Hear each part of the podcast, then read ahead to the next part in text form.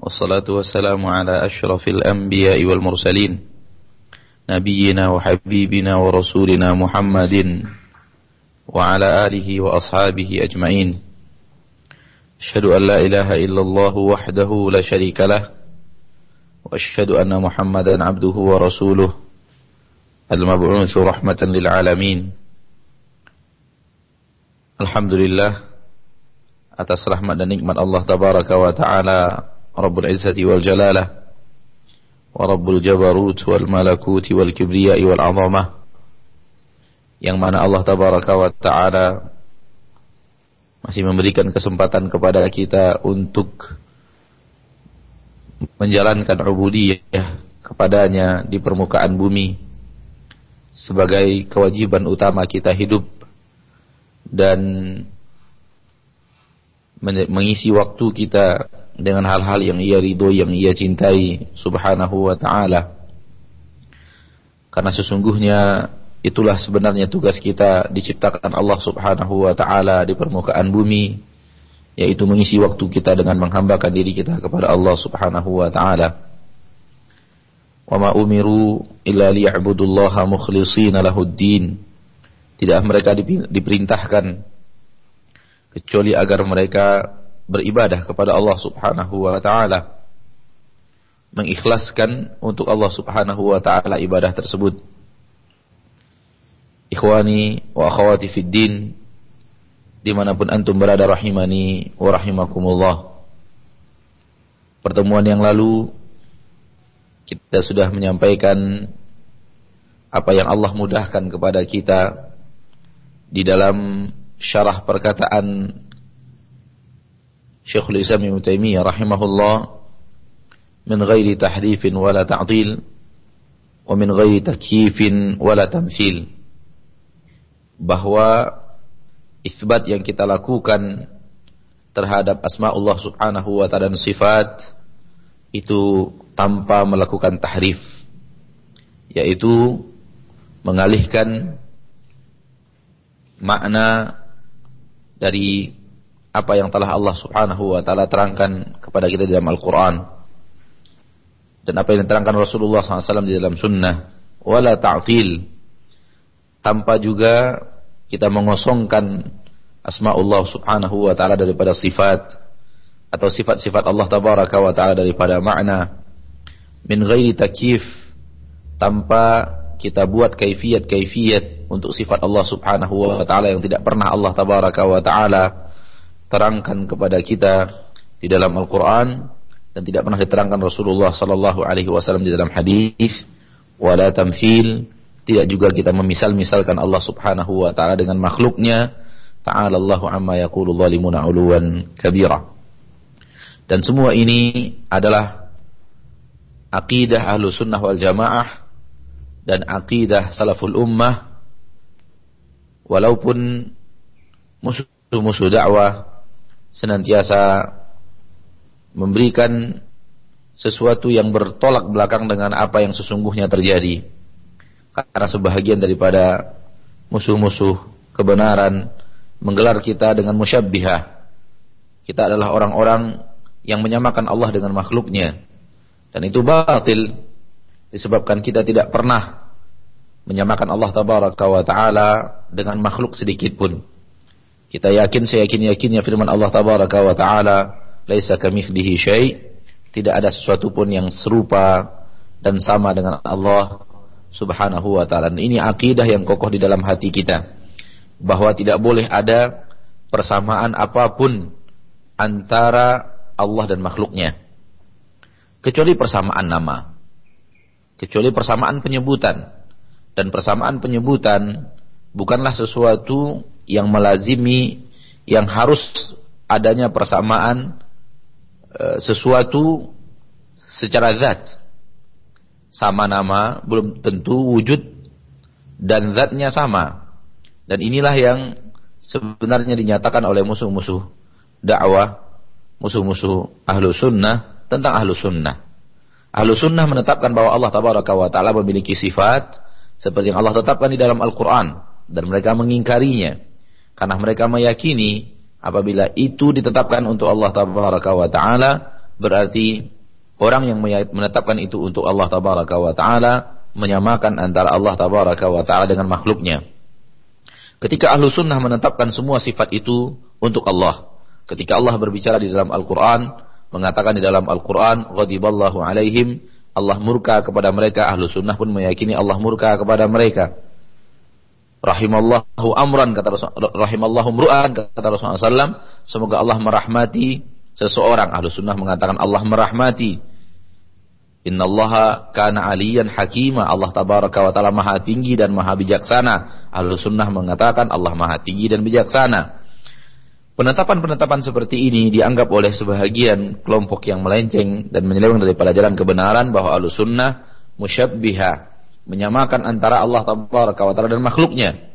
Ketika kita meyakini Allah murka, mereka mengatakan bahwa ahlu sunnah menyamakan Allah dengan makhluk. Karena makhluk murka, Allah juga murka. Ketika kita mengatakan Allah merahmati, sebagaimana yang dikatakan oleh Rasulullah SAW, dan sebagaimana yang Allah katakan, bahwa sesungguhnya Allah merahmati, mereka mengatakan ahlu sunnah menyamakan antara Allah dan makhluknya. Allah merahmati, makhluk pun merahmati. Ketika kita mengatakan Allah tabaraka wa ta'ala ali, maha tinggi, maka mereka pun mengatakan bahwa ahlu sunnah menyamakan antara Allah dan makhluknya. Karena ahlu sunnah tidak pernah lari daripada apa yang Allah tabaraka wa taala terangkan tentang dirinya di dalam Al-Qur'an dan apa yang diterangkan oleh Rasulullah sallallahu alaihi wasallam tentang Allah tabaraka wa taala Ahlu sunnah menetapkan seperti yang ada. Dan ini yang mereka sebut sebagai tashbih. Padahal yang ada, ma'asyarul muslimin dan muslimat, ahlu sunnah menetapkan semua itu walaupun penyebutannya dengan makhluk sama akan tetapi ahlu sunnah meyakini tidak ada yang sama dengan Allah tabaraka wa ta'ala satu kaidah kaidah daripada kawaid ahlu sunnah wal jamaah di dalam sifat yang harus kita ketahui bersama bahwa Allah tabaraka wa ta'ala Rabbul Izzati wal Jalalah ditetapkan untuknya seluruh nama-nama dan sifat sesuai dengan apa yang Allah terangkan di dalam Al-Quran, namun untuk kaifiat yang sesungguhnya, untuk kaifiat yang tentang Allah Tabaraka wa Ta'ala dan hakikat daripadanya, semua itu diserahkan kepada Allah Subhanahu wa Ta'ala. Dan tidak diketahui maknanya oleh Ahlu Sunnah. Dan Ahlu Sunnah menyatakan bahwa semua itu tidak akan sama dengan makhluk. Semua itu tidak akan sama dengan makhluk. Ahlu Sunnah menetapkan makna dari seluruh makna yang datang dari Al-Quran. Ketika Allah subhanahu wa ta'ala mengatakan wa makaru wa makar Allah, ahlu sunnah mengatakan wa makaru wa makar Allah secara makna. Akan tapi makar Allah tidak akan sama dengan makar makhluknya. Ketika Allah tabaraka ta'ala mengatakan tentang orang-orang munafikin yang mengejek Rasul dan kaum mukminin, innama nahnu mustahzi'un, Allah mengatakan setelah itu Allahu yastahzi'u bihim. Ahlu sunnah pun mengatakan Allahu yastahzi'u bihim. Akan tetapi istihza'nya makhluk. Kaifiyat istihza' makhluk. Tidak akan sama dengan apa yang dilakukan oleh Allah tabaraka wa ta'ala. Maka ahlu sunnah menetapkan untuk Allah tabaraka wa ta'ala seluruh makna yang Allah terangkan di dalam Al-Quran dan Rasulullah sampaikan di dalam hadis akan tetapi kaifiyat hakikat daripada seluruh ma'ani tersebut tidak ada yang tahu. Ketika Rasulullah SAW berkata tentang Allah dalam hadis yang sahih, "Yanzilu Rabbuna ila sama'id dunya hina yabqa minal laili thuluthul akhir." Bahwa Rabb kita turun ke langit dunia ketika tersisa daripada malam itu sepertiganya yang terakhir. Ahlu sunnah menetapkan bahwa Allah tabaraka wa ta'ala turun ke langit dunia apabila tersisa sepertiga malam yang terakhir. Sebagaimana dikatakan Rasulullah maknanya sebagaimana yang dikatakan oleh Rasulullah SAW ditetapkan seperti itu oleh ahlu sunnah. Akan tetapi ahlu sunnah tidak pernah menetapkan bagaimana kaifiat turunnya Allah ke langit dunia. Hal inilah yang menyebabkan mereka menyatakan ahlu sunnah musyabbiha. Karena di dalam penyebutan nama, di dalam penyebutan sifat, sama dengan makhluk. Dan itu yang mereka ingkari. Dan jalan yang hak adalah jalan yang ditempuh oleh ulama ahlu sunnah bahwa seluruh ma'ani diterima. Seluruh kaifiat diserahkan kepada Allah tabaraka wa ta'ala. Dan secara logika ilmiah dalam kehidupan sehari-hari kita pun merasakan bahwa sesuatu yang sama nama belum tentu sama wujud dan kaifiatnya. Oleh karena itu, ahlu sunnah menetapkan kalimat-kalimat yang sama antara Allah dan makhluk seperti Allah murka, makhluk murka. Allah tabaraka wa taala tinggi, makhluk juga bisa tinggi. Allah subhanahu wa taala beristiwa di atas arash sebagaimana makhluk beristiwa di atas kursi dan yang lainnya. Kalimatnya sama, akan tapi ahlu sunnah tidak pernah menyamakan dalam dalam kaifiyat. persamaan kalimat inilah yang membuat ahlu sunnah dituding sebagai ahlu tashbih. Dan kita membantahnya bahwa persamaan kalimat tidaklah tidaklah menuntut adanya persamaan zat.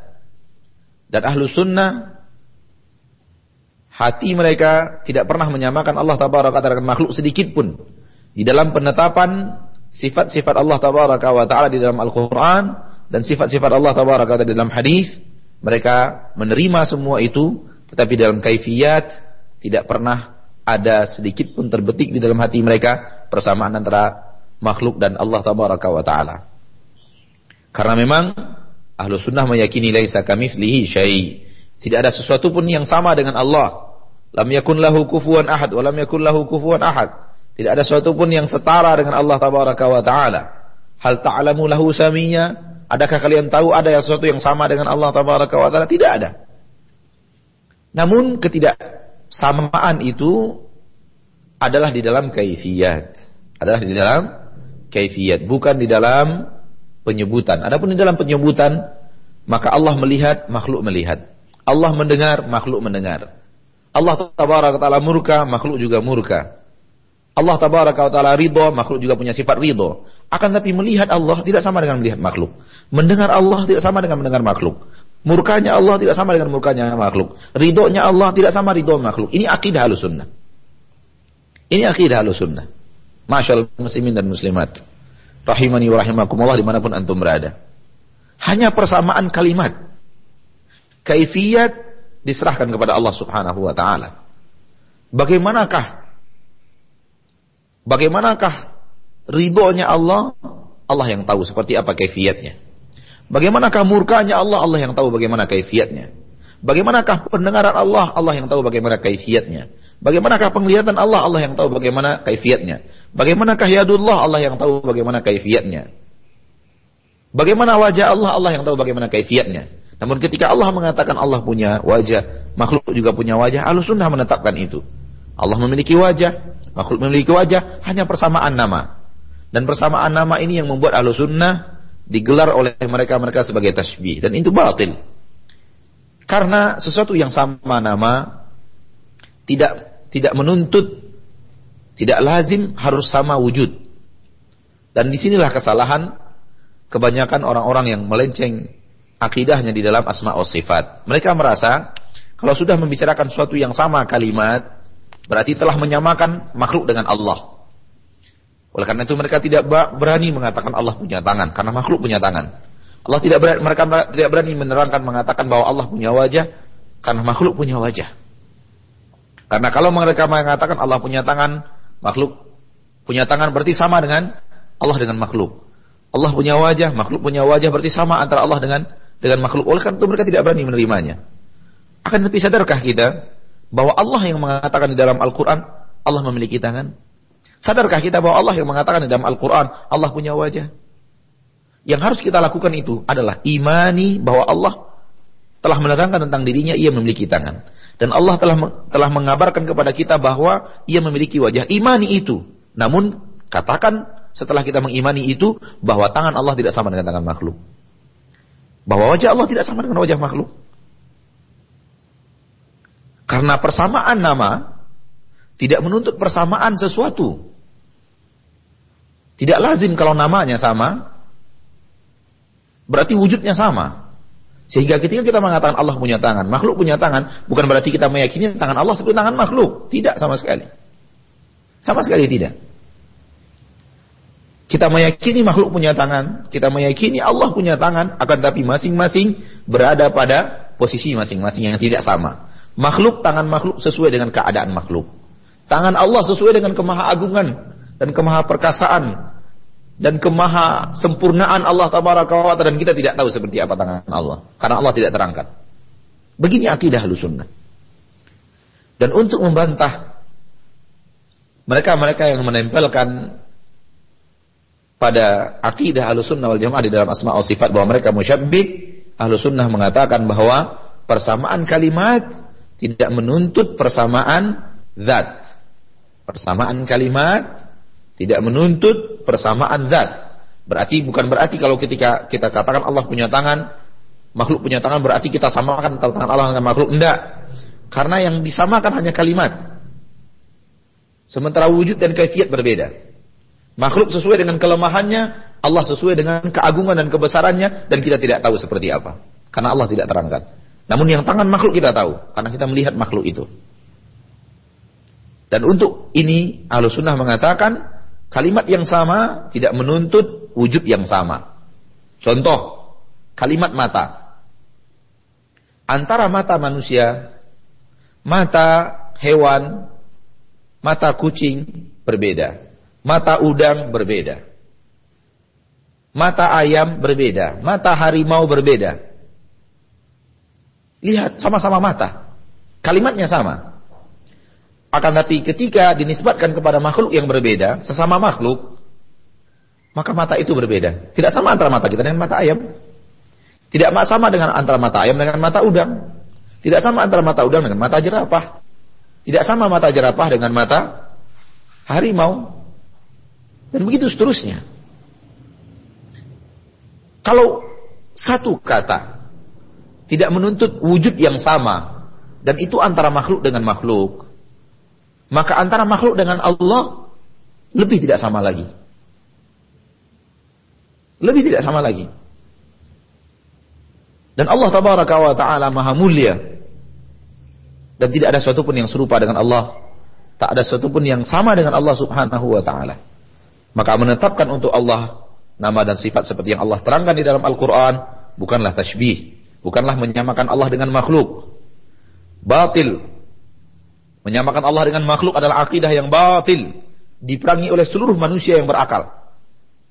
Kalau Allah sama dengan makhluk, diperangi oleh seluruh orang yang berakal sebelum orang-orang yang beragama. Dan sungguh, yang membuat mereka tidak mau menetapkan Allah punya tangan, dan mereka tidak mau menetapkan Allah punya wajah, padahal Allah yang mengatakan di dalam Al-Quran Allah punya tangan. Yadullahi fawqa Tangan Allah di atas tangan mereka. Dan Allah yang menetapkan di dalam Al-Quran bahwa Allah memiliki wajah. Wa yabqa wajhu rabbika dzul jalali wal ikram. Namun mereka tidak mau menetapkan itu. Sungguh yang membuat mereka lari daripada menetapkan itu untuk Allah karena mereka tidak mau menyamakan antara Allah dengan makhluk. Mereka punya niat mulia. Landasannya mulia tapi salah dalam bersikap dan salah dalam mengambil jalan keluar dari hal ini yang mereka takutkan ini. Karena mereka melakukan aksi tidak menyamakan Allah dengan makhluk dengan cara lari daripada keterangan Al-Quran. Lari daripada apa yang ditetapkan oleh Al-Quran. Mereka tidak berani mengatakan Allah turun ke langit dunia apabila tersisa sepertiga malam yang terakhir karena mereka tidak mau menyamakan Allah dengan makhluk. Karena yang ada di benak mereka kalau ditetapkan Allah turun ke langit dunia, makhluk juga bisa turun, berarti sama antara turunnya Allah dengan turun makhluk, sama Allah dengan makhluk. Bukan begitu caranya memahami. Cara memahami adalah Allah turun. Karena Allah tabaraka wa taala yang menerangkan Allah turun Nabi Muhammad sallallahu alaihi wasallam dan Rasulullah SAW adalah manusia yang paling mengerti tentang Allah subhanahu wa taala. Oleh karena itu kita tetapkan itu untuk Allah subhanahu wa taala, Rabbul Izzati wal Jalalah dan kita katakan juga manusia juga bisa turun akan tapi manusia turun sesuai dengan kelemahan dan sesuai dengan apa yang dimiliki oleh manusia. Turunnya Allah tentu tidak sama. Sehingga ahlu sunnah menetapkan seluruh nusus, nas yang ada dalam Al-Quran dan hadis tanpa menolaknya. Kemudian mereka juga menetapkan bahwa Allah tidak sama dengan apa pun. Dan itu juga ada di dalam nas. Hingga akhirnya ahlu sunnah mengimani seluruh nas yang ada di dalam Al-Quran. Dan tidak menolak sedikit pun yang ada di dalam Al-Quran. Menerima seluruh nas yang ada di dalam hadis dan tidak menolak sedikit pun nas yang ada di dalam hadis. Dan ketika dibahas ini seluruh ayat itu mendukung satu sama lainnya. Mendukung satu sama lainnya. Oleh karena itu setelah ini setelah bercerita tentang bahwa al-sunnah menetapkan untuk Allah tabaraka wa taala apa yang Allah tetapkan untuk dirinya menetapkan untuk Allah tabaraka wa taala apa yang ditetapkan oleh Rasulullah SAW untuk dirinya tanpa ditahrif tanpa dita'til tanpa ditakif tanpa dicamfil beliau kemudian mengatakan beliau Syekhul Islam Ibnu Taimiyah setelah itu langsung menegaskan bal yu'minuna bi anna Allah subhanahu laisa kamitslihi syai'un wa huwas samiul basir. Dan ini materi pertemuan kita pada kesempatan kali ini yaitu perkataan Syekhul Islam Ibnu Taimiyah rahimahullah setelah mengatakan yang tadi bal yu'minuna bi anna Allah subhanahu laisa kamitslihi syai'un wa huwa samiul basir. Bahkan ahlu sunnah yang ada adalah ahlu sunnah benar-benar mengimani mengimani sesungguhnya Allah subhanahu wa taala laisa kamitslihi syai'un wa huwa samiul basir. Ini adalah potongan daripada ayat di dalam Al-Qur'an surat Asy-Syura ayat 11. Inilah akidah Ahlussunnah. Laisa syai' wa huwas samiul basir. Tidak ada sesuatu seperti Allah yang sama dengannya. Tidak ada sesuatu apa pun yang semisal dengannya. Ini menafikan persamaan antara Allah dan makhluk. Jadi titik apa pun, titik apa pun yang sampai kepada titik bahwa akan sama antara Allah dan makhluk batil. Batil. Apa pun yang terbayang di, di, di kepala manusia dan apa pun diucapkan oleh manusia dan apa pun yang diyakini di dalam hati oleh manusia, di situ ada titik persamaan antara Allah dan makhluk batil. Dengan ayat ini, laisa kamitsli syai. Tidak ada sesuatu pun yang sama dengan Allah. Maka kalau ada orang menggambarkan ketika membaca firman Allah tabaraka wa taala yadullahi fawqa aydihim tangan Allah seperti di, tangan Allah di atas tangan mereka lalu ia membayangkan tangan Allah itu bagaikan tangan manusia batil. Ketika Allah mengatakan di dalam Al-Qur'an wa yabqa wajhu rabbika dzul jalali wal ikram dan tinggallah wajah Rabbmu yang maha mulia lagi maha terpuji lalu ia membayangkan wajah Allah seperti wajah makhluk batil Kenapa batil? Allah telah terangkan laisa kamitslihi syai. Tidak ada sesuatu pun yang sama dengan Allah. Persamaan apa pun yang terfikir oleh manusia, diucapkan oleh lisan manusia, terbayang oleh hati manusia, antara Allah dan makhluk semuanya batil. Karena ayat tegas. Tidak ada yang sama. Dan wajib seorang hamba meyakini bahwa tidak ada yang sama antara Allah dan makhluk. Ini adalah akidah yang kuat. Akidah yang kokoh daripada akidah ahlu sunnah. Walaupun musuh-musuh ahlu sunnah menggelari mereka dengan selalu menyamakan Allah dengan makhluk. Tidak. Demi Allah tidak. Ahlu sunnah tidak pernah menyamakan Allah dengan makhluk. Bahkan akidah ahlu sunnah adalah apa yang kita katakan tadi. Akidah ahlu sunnah adalah apa yang kita katakan tadi. Apa pun yang terbesik di hati manusia, apa pun yang terfikir oleh manusia dan apa pun yang diucapkan oleh manusia persamaan antara Allah dan makhluk batil. Kemudian Allah mengatakan, dengar baik-baik masyaallah muslimin, wa huwas samiul basir. Dan dialah Allah yang maha melihat, yang maha mendengar, lagi maha melihat. Apakah makhluk melihat? Jawabannya ya. Allah mengatakan Allah melihat. Apakah makhluk mendengar? Jawabannya ya. Allah mengatakan Allah mendengar. Berarti ada kata yang sama. Subhanallah, apabila kita perhatikan ayat ini, cukuplah ayat ini sebagai keterangan yang jelas bahwa menetapkan seluruh sifat Allah yang ada di dalam Al-Quran, yang ada di dalam hadis, bukanlah berarti menyamakan antara Allah dengan makhluknya. Menetapkan bahwa Allah memiliki sifat murka, dan kita juga tahu makhluk punya sifat murka, bukan berarti bahwa kita samakan antara Allah dengan makhluk. Enggak. Karena yang sama hanya nama. Penyebutan. Kalau nama itu sama tidak menuntut samanya wujud. Kita tidak menyamakan sama sekali. Karena Allah mengatakan wahwa samiul basir. Allah maha melihat, Allah maha mendengar, Allah maha melihat. Makhluk juga mendengar ya Rob. Makhluk juga melihat ya Rob. Persamaan kata mendengar, persamaan kata melihat, persamaan penyebutan men mendengar, Allah mendengar, makhluk mendengar. Persamaan penyebutan melihat, Allah melihat, makhluk melihat, Allah sudah tahu. Persamaan penyebutan.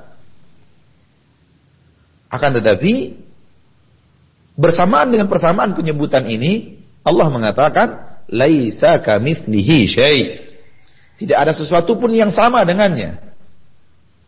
Ayat ini jelas, sejelas-jelasnya. Masyaallah muslimin.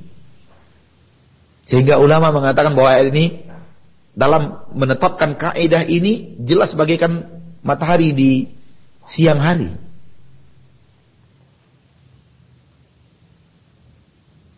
Allah yang menerangkan kepada kita ia melihat. Walaupun Allah tahu bahwa makhluknya melihat. Allah yang menerangkan kepada kita ia mendengar. Walaupun ia tahu makhluk juga mendengar. Tabaraka wa ta'ala. Namun Allah tabaraka wa ta'ala tetap mengatakan Allah maha mendengar. Allah maha melihat. Berarti ada persamaan kalimat. Persamaan penyebutan. Dan itu kalimat yang sama itu. Penyebutan yang sama itu. Antara Allah dan makhluk. Tidaklah menuntut bahwa Allah itu sama dengan makhluk. Karena telah dinafikan sebelumnya telah ditiadakan sebelumnya. Telah disebutkan sebelumnya bahwa tidak ada yang sama dengan Allah. Allah Maha mendengar, makhluk juga mendengar, namun tidak sama antara pendengaran Allah dengan pendengaran makhluk. Allah Maha melihat, makhluk juga melihat. Tidak sama antara penglihatan makhluk dengan penglihatan Allah. Begitu cara memahaminya. Begitu cara berakidah di dalam masalah ini. Sehingga ahlu sunnah tidak repot-repot mencari makna lain, mengembangkan makna yang lain, mengalihkan kepada makna yang lain, atau menafikan sebagian makna yang datang daripada kitabullah azza wa jal. Karena terdalamnya terdapat penolakan terhadap ayat-ayat Allah tabaraka wa ta'ala. Atau menafikan sebagian daripada hadis-hadis Nabi Muhammad sallallahu alaihi wasallam karena di dalamnya ada penolakan terhadap sebagian hadis Nabi Muhammad sallallahu alaihi wasallam. Dan ini yang terjerat di dalamnya langkah sebagian daripada kaum muslimin. Jadi Ikhwani wa akhwati fid din rahimani wa rahimakumullah di mana pun antum berada, ayat ini tegas. Dan ayat ini adalah konsep yang nyata di dalam memahami uh, asma dan sifat Allah Subhanahu wa taala di dalam mengisbat untuk Allah apa yang Allah isbatkan untuk dirinya dan apa yang diisbatkan oleh Rasulnya untuk dirinya dan menafikan untuk Allah apa yang ia nafikan dari dirinya dan apa yang dinafikan untuk Allah oleh Rasulnya. Nabi kita tercinta yang mulia Muhammad bin Abdullah salawatu rabbi wasalamuhu alaih. Jadi ini konsep yang jelas, tegas, eh, terang, singkat, tapi padat dalam masalah ini. Andai seorang muslim duduk mentadabbur makna laisa kamitslihi syai, dia tidak akan bisa mewujudkan makna daripada laisa kamitsli syai' wa samiul basir kecuali seperti apa yang telah diterangkan oleh para ulama ahlu sunnah. Tidak ada tempat lari ke mana pun.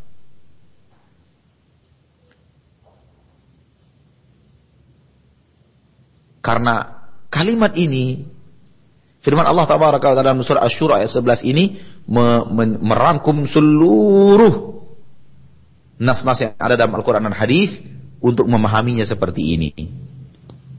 Kalau ada kata-kata yang kalimatnya sama antara Allah dengan makhluk, tidak perlu ditolak. Seperti yang tadi. Ya, yang sering di, di, di, di, dinafikan oleh manusia. Mereka tidak mau menerima Allah punya tangan. Kenapa? Karena makhluk juga punya tangan.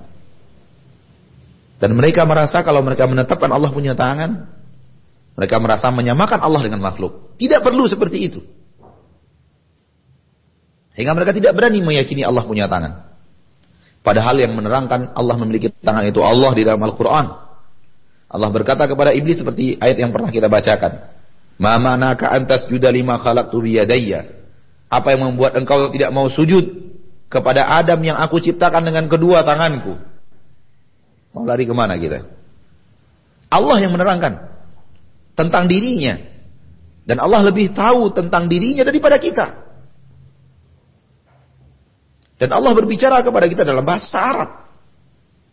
Dan Rasulullah Sallallahu Alaihi Wasallam diutus dengan bahasa Arab yang paling lurus lidahnya. Sebagaimana Allah mengatakan di dalam Al-Quran. Bilisanin Arabiyyin mubin. Rasulullah diutus dengan lisan Arab yang jelas. Lisan Arab yang nyata. Rasulullah SAW itu adalah kali orang yang paling fasih di dalam berbahasa Arab. Dan Rasulullah tidak pernah menolaknya. Dan Rasulullah tidak pernah menyuruh kita untuk menolaknya. Waliyahdubillah. Namun kenapa kita tidak mau menerima kalimat itu di dalam Al-Quran? Padahal kita tahu makna zahir daripada yadun secara bahasa Arab kita mengerti makna yadun. Akan tetapi inilah yang membuat mereka menolak.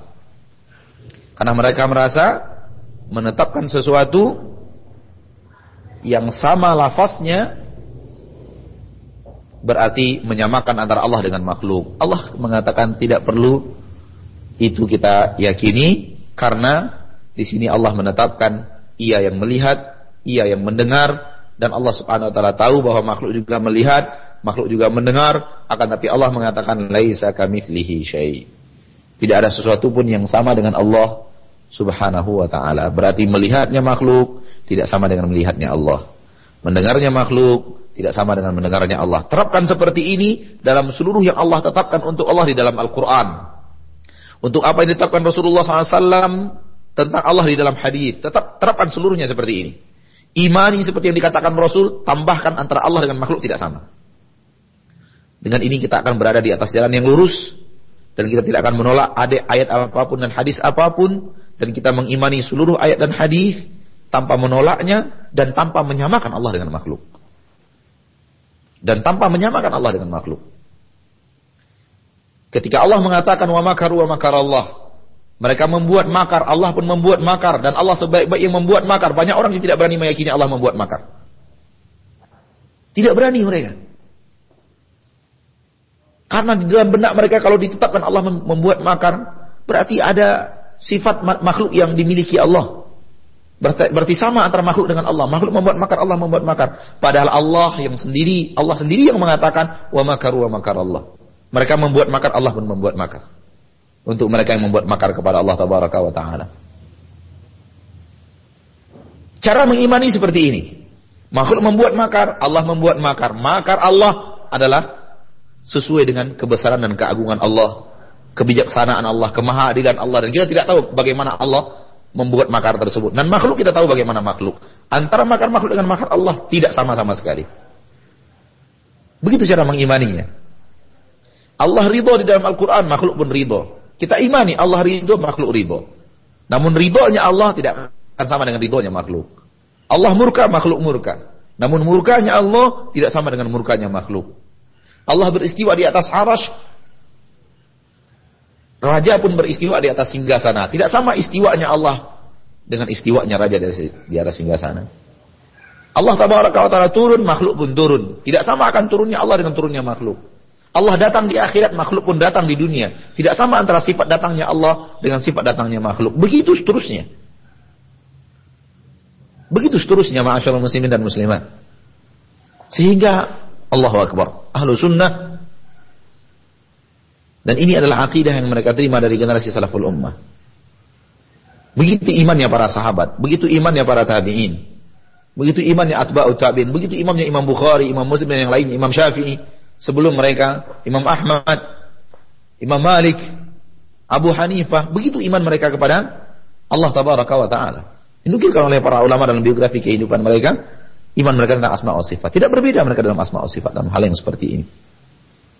Semua mereka menetapkan untuk Allah apa yang ditetapkan oleh Allah untuk dirinya, menetapkan untuk Allah apa yang ditetapkan oleh Rasulnya SAW dan meyakini seyakin-yakinnya bahwa apa yang Allah tetapkan untuk dirinya, walaupun sama penyebutan dengan makhluk, bukan berarti itu persamaan.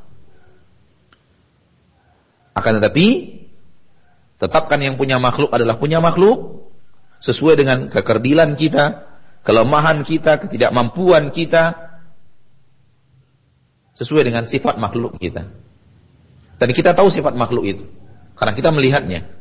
Kita tahu bagaimana manusia datang. Kita tahu bagaimana manusia turun. Kita tahu bagaimana manusia duduk di atas kursi dan singgah sana. Beristiwa di atas kursi dan singgah sananya. Kita tahu karena kita melihat makhluk. Namun Allah tidak ada yang tahu. Karena tidak ada yang pernah melihat Allah tabaraka wa ta'ala. Tidak ada yang pernah melihat bagaimana murkanya Allah. Tidak ada yang pernah melihat seperti apa ridhonya Allah. Tidak pernah ada yang melihat bagaimana tangan Allah, bagaimana wajah Allah, bagaimana sesuatu yang Allah sebutkan tentang dirinya di dalam Al-Quranul Karim, semua itu adalah hal-hal yang tidak pernah kita lihat dan tidak pernah ada makhluk yang melihatnya. Oleh karena itu kita kembalikan kaifiatnya kepada Allah Subhanahu wa taala. Jadi ayat ini dalam surat Asy-Syura ayat 11 ini adalah al-fasil bainan niza. Sebuah pemutus di antara perdebatan di dalam asma wa sifat. Sungguh apabila orang mentadabbur surat Asy-Syura ayat 11 ini tentang asma wa sifat, mereka akan menemukan jalan terang bagaimana mengimani ayat-ayat Allah dan hadis-hadis Rasulullah yang berbicara tentang nama dan sifat Allah di dalam Al-Qur'an dan hadis. Yaitu menetapkan seluruh yang Allah tetapkan untuk dirinya walaupun sama penyebutannya dengan makhluk. Walaupun sama penyebutan dan makhluk tetapkan untuk Allah, namun katakan bahwa antara yang dimiliki oleh Allah dan makhluk tidak sama. Karena tidak ada sesuatu pun yang sama antara Allah dengan makhluknya. Kita sudah sampaikan pada pertemuan kita sebelumnya, ada orang yang tidak berani menetapkan Allah melihat, karena makhluk melihat. Allah mendengar, karena makhluk mendengar. Sehingga akhirnya mereka nafikan.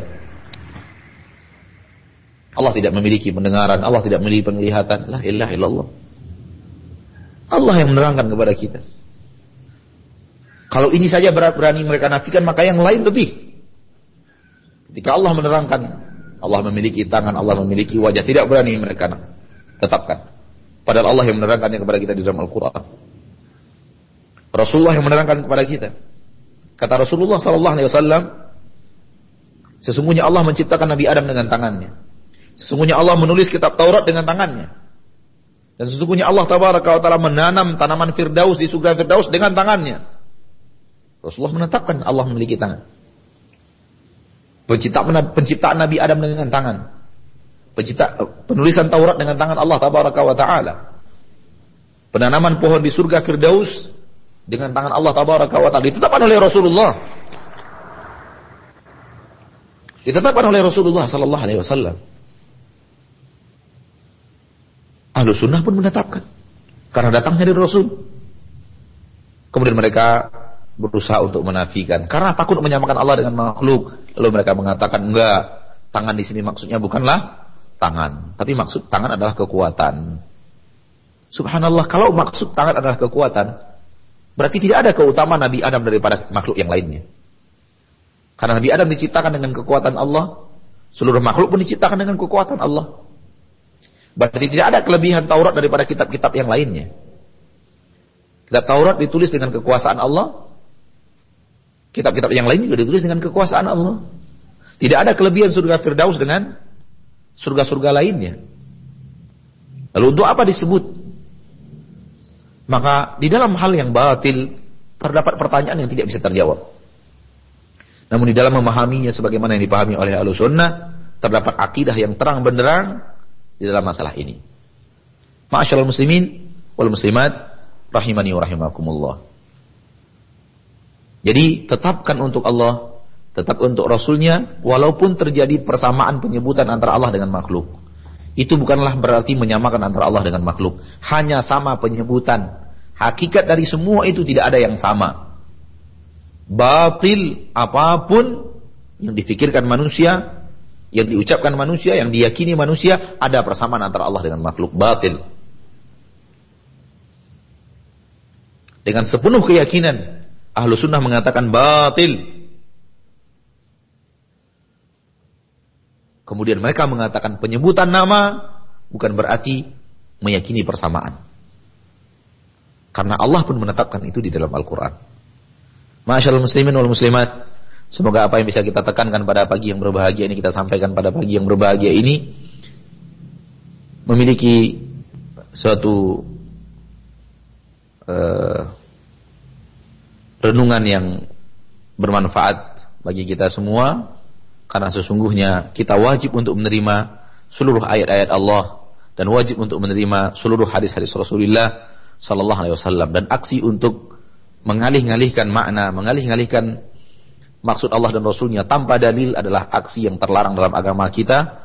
Oleh karena itu Allah Sunnah tidak pernah melakukan hal yang seperti itu. Semoga apa yang kita sampaikan ini bermanfaat terkhusus bagi pembicara dan kita kembalikan kepada aku Nafawas wa. Baik Ustaz, terima kasih untuk materi yang penuh manfaat yang telah Ustaz sampaikan. Jazakallah khairan. Semoga Allah Subhanahu wa taala memberkahi ilmu yang Ustaz sampaikan dan Allah Subhanahu wa taala menjaga Ustaz beserta keluarga. Saudaraku seiman pada pendengar Radio Roja, Radio Hidayah di Pekanbaru 103,4 FM dan radio eh, pada pendengar radio lainnya di mana pun Anda. Untuk selanjutnya kita akan membuka sesi tanya jawab dan sebagaimana biasa di kesempatan kajian syarah akidah wasitiyah di Pagi ini kita akan hanya mengangkat pertanyaan via pesan singkat saja. Untuk yang pertama, Ustadz, ada pertanyaan uh, dari pendengar kita, Bapak Yusuf di Bekasi yang bertanya, Ya Ustadz, di masyarakat kita, kaum muslimin saat ini, beredar kisah bahwasannya Syekhul Islam Ibn Taimiyah pernah menyampaikan ceramah bahwa Allah Subhanahu wa taala turun ke langit dunia seperti seperti di sepertiga malam sebagaimana turunnya aku dari kursi ini dan kisah ini menjadikan di antara uh, dasar tuduhan terhadap Syekhul Islam Ibn Taimiyah sebagai ulama yang berpaham mujassimah atau musyabbihah. Apakah kisah ini benar Ustaz? Jazakallah khairan. Uh, kepada kaum muslimin dan muslimat di mana pun antum berada dan terkhusus kepada saudara kita dan bapak kita yang bertanya jazakallahu khairan kita katakan pertama sekali kita mengatakan kalau toh pun cerita itu benar, katakanlah benar. Dari Syekhul Islam kita tolak. Dan kita mengatakan kalimat ini batil. Siapa pun yang mengatakannya. Karena ini bertentangan dengan Al-Quran. Karena ini bertentangan dengan hadis Rasulullah Sallallahu Alaihi Wasallam. Siapa pun yang mengatakannya, kita tolak karena dia bertentangan dengan Al-Quran. Kita tolak karena dia bertentangan dengan hadis. Dan ahlu sunnah tidak pernah memiliki sifat pemujaan terhadap seorang manusia selain Rasulullah Sallallahu Alaihi Wasallam. Pemujaan di mana seluruh kata-katanya harus diterima. Maka kita katakan di awal jawaban kita, kalau toh pun cerita itu benar, dan sahih dari Syekhul Islam Ibnu Taimiyah kita akan tolak. Karena kita lebih mencintai Al-Quran dan Sunnah daripada daripada Syekhul Islam Ibnu Taimiyah. Kita lebih mencintai Rasulullah SAW sebagai suri tauladan daripada Syekhul Islam. Kalau toh pun benar, bagaimana kalau dia batil? Dan yang benar adalah kisah ini batil. Dan ini telah diterangkan oleh para ulama dan seluruh yang membaca kitab-kitab Syekhul Islam Ibnu Taimiyah rahimahullah termasuk apa yang kita baca sekarang. Dilarang menyamakan Allah dengan makhluk. Itu perkataan beliau dan akidah beliau. Tidak boleh menyamakan sifat Allah dengan sifat makhluk. Dan apabila kita membaca kitab-kitab yang lain, beliau adalah orang yang paling keras menantang akidah persamaan antara Allah dengan makhluk dalam setitik apa pun persamaan itu.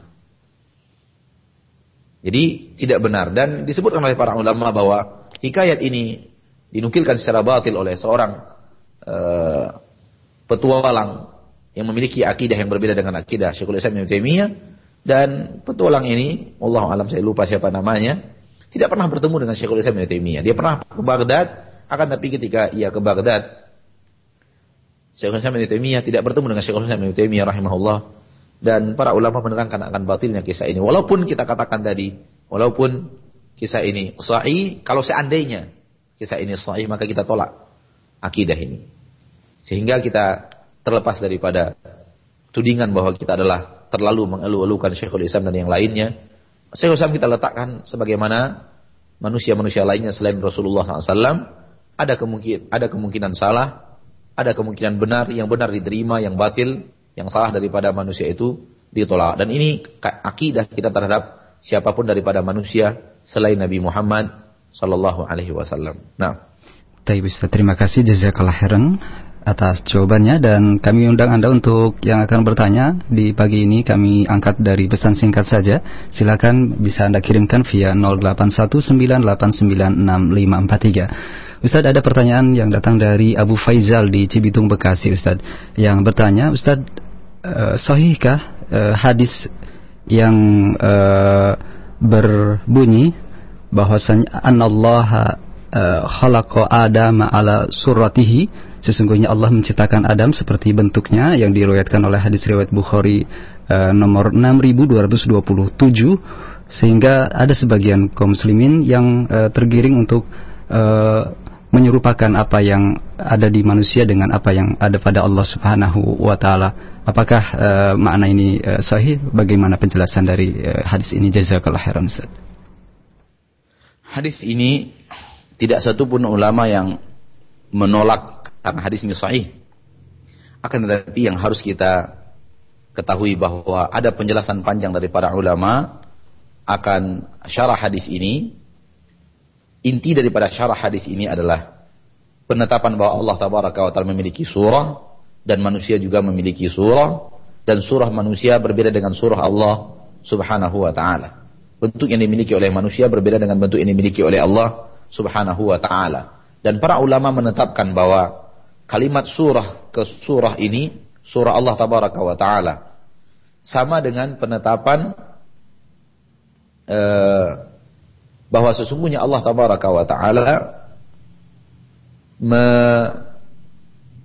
meniupkan ruhnya kepada Nabi Isa alaihi salam. Berarti bukanlah sesuatu yang harus dilazimi bahwa makhluk memiliki sesuatu yang bahagian daripada Allah tabaraka wa taala persamaan dalam uh, hal yang mewujudkan persamaan akan tetapi makhluk memiliki sesuatu dalam penyebutan sama dengan apa yang dimiliki oleh Allah Subhanahu wa taala. Keterangan tentang hadis ini diterangkan panjang lebar dan dalam uraian yang sangat panjang oleh uh, Syekh Muhammad bin Shalih Al-Utsaimin dalam kitab Aqidah Wasatiyah syarah beliau terhadap Aqidah Wasatiyah. Intinya adalah bahwa sesungguhnya surah yang dimiliki oleh oleh manusia adalah sesuai dengan apa yang dimiliki oleh manusia dan apa yang dimiliki oleh Allah sesuai dengan apa yang dimiliki oleh Allah Subhanahu wa taala dan penisbatan itu bukan berarti Nabi Adam sama dengan Allah Subhanahu wa taala. Ini yang harus dihindari wallahu taala alam. Baik Ustaz, terima kasih jazakallah khairan. Untuk selanjutnya dari pertanyaan berikut dari Umu Zaid di Bandung yang bertanya, Ustaz bagaimanakah kiat-kiat atau cara kita menjelaskan kepada anak-anak tentang keberadaan Allah Subhanahu wa taala, khususnya tentang pemahaman asma wa sifat ini dengan bahasa yang uh, baik dan uh, mudah difahami oleh anak-anak terutama anak-anak kita yang di bawah lima tahun. Terima kasih Ustaz. Ma'asyal muslimin wal muslimat rahimani rahimakumullah. Nasihat kita secara pribadi kepada kaum muslimin sampaikan kepada mereka seperti yang Allah terangkan di dalam Al-Qur'an.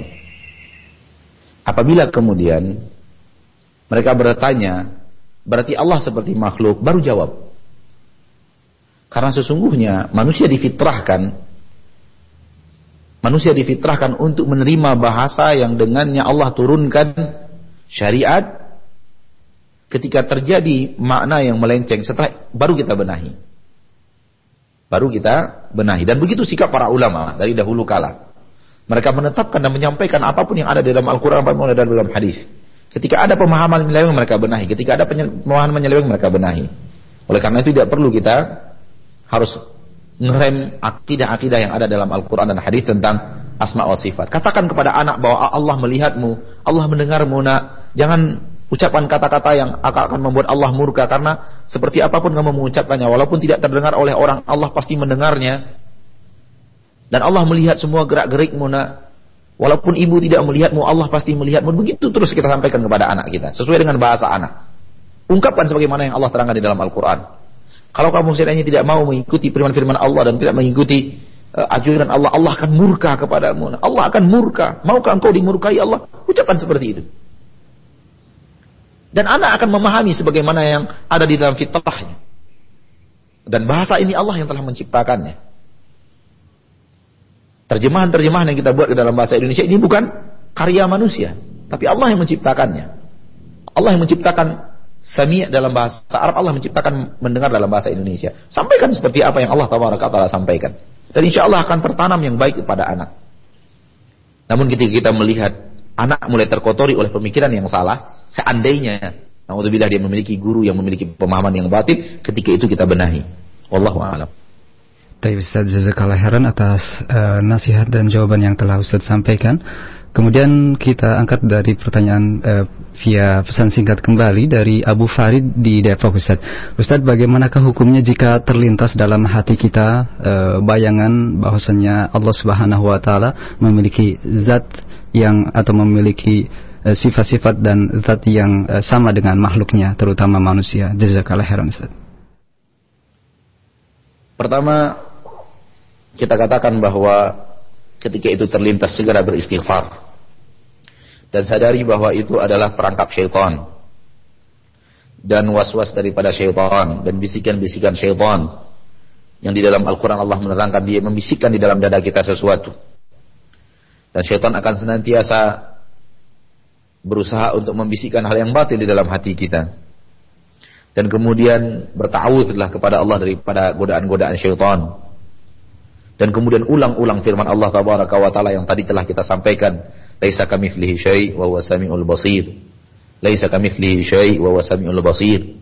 Kemudian berusaha untuk mentadabbur ayat ini sehingga dia matang di dalam dada, teguh di dalam hati, sehingga ketika keteguhan itu telah datang, mudah-mudahan keteguhan itu membentengi diri kita sehingga syaitan tidak bisa lagi untuk menanamkan syubhat-syubhatnya di dalam hati tersebut. Berusaha untuk mengulang-ulang ayat ini dan menetapkannya di dalam dada laisa kamitslihi syai' wa huwa samiul basir. Laisa kamitslihi syai' wa huwa samiul basir. Nah, Baik Ustaz, terima kasih. Di kesempatan selanjutnya ada Abu Hanif di Banten yang bertanya, Ustaz, bagaimanakah kita menyikapi uh, tentang sifat-sifat Allah Subhanahu wa taala karena ada sebagian uh, kaum muslimin yang menyebutkan bahwa kita wajib meneladani sifat-sifat Allah Subhanahu wa taala. Akankah uh, apakah hal ini bisa dibenarkan dari sisi uh, pemahaman kita terhadap sifat-sifat Allah Subhanahu wa taala? Jazakallahu khairan Ustaz. Kalimat ini adalah kalimat yang batil Kalimat ini adalah kalimat yang batil. Kita harus meneladani seluruh sifat-sifat Allah tabaraka wa taala batil. Yang benar adalah kita wajib untuk memiliki sifat yang diridhoi oleh Allah Subhanahu wa taala dari kita. Karena sesungguhnya Masyaallah muslimin wal muslimat, kalimat meniru sifat Allah adalah tidak pernah diucapkan oleh Allah Subhanahu wa taala dalam Al-Qur'an dan juga tidak pernah disampaikan oleh Rasulullah sallallahu alaihi wasallam di dalam hadis. Dan hendaklah kita menghindari kalimat-kalimat tentang Allah yang Allah tidak pernah sampaikan itu kepada kita. Dan Rasulullah SAW tidak pernah sampaikan itu kepada kita. Ini akidah ahlu sunnah wal jamaah. Menjauhi seluruh lafaz tentang Allah. Yang berkaitan dengan Allah.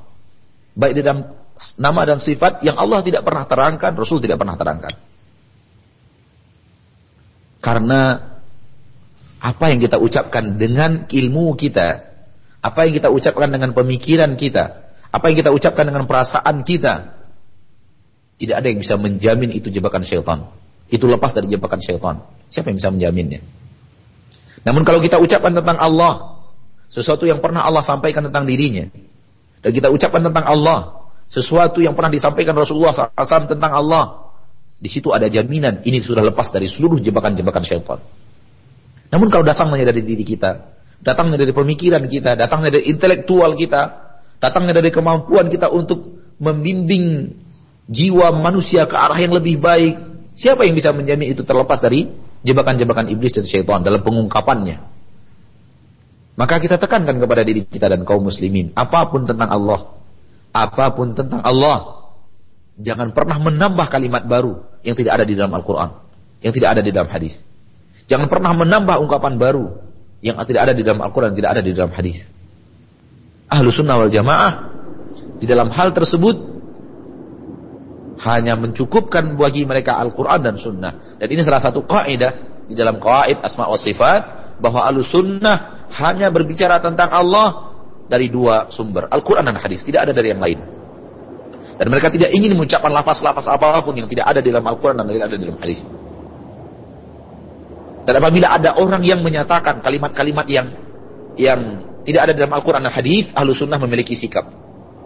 Sikap pertama terhadap lafaz mereka mengatakan Allahu alam. Hal seperti ini tidak ada dalam Al-Quran dan hadis kami tidak tahu.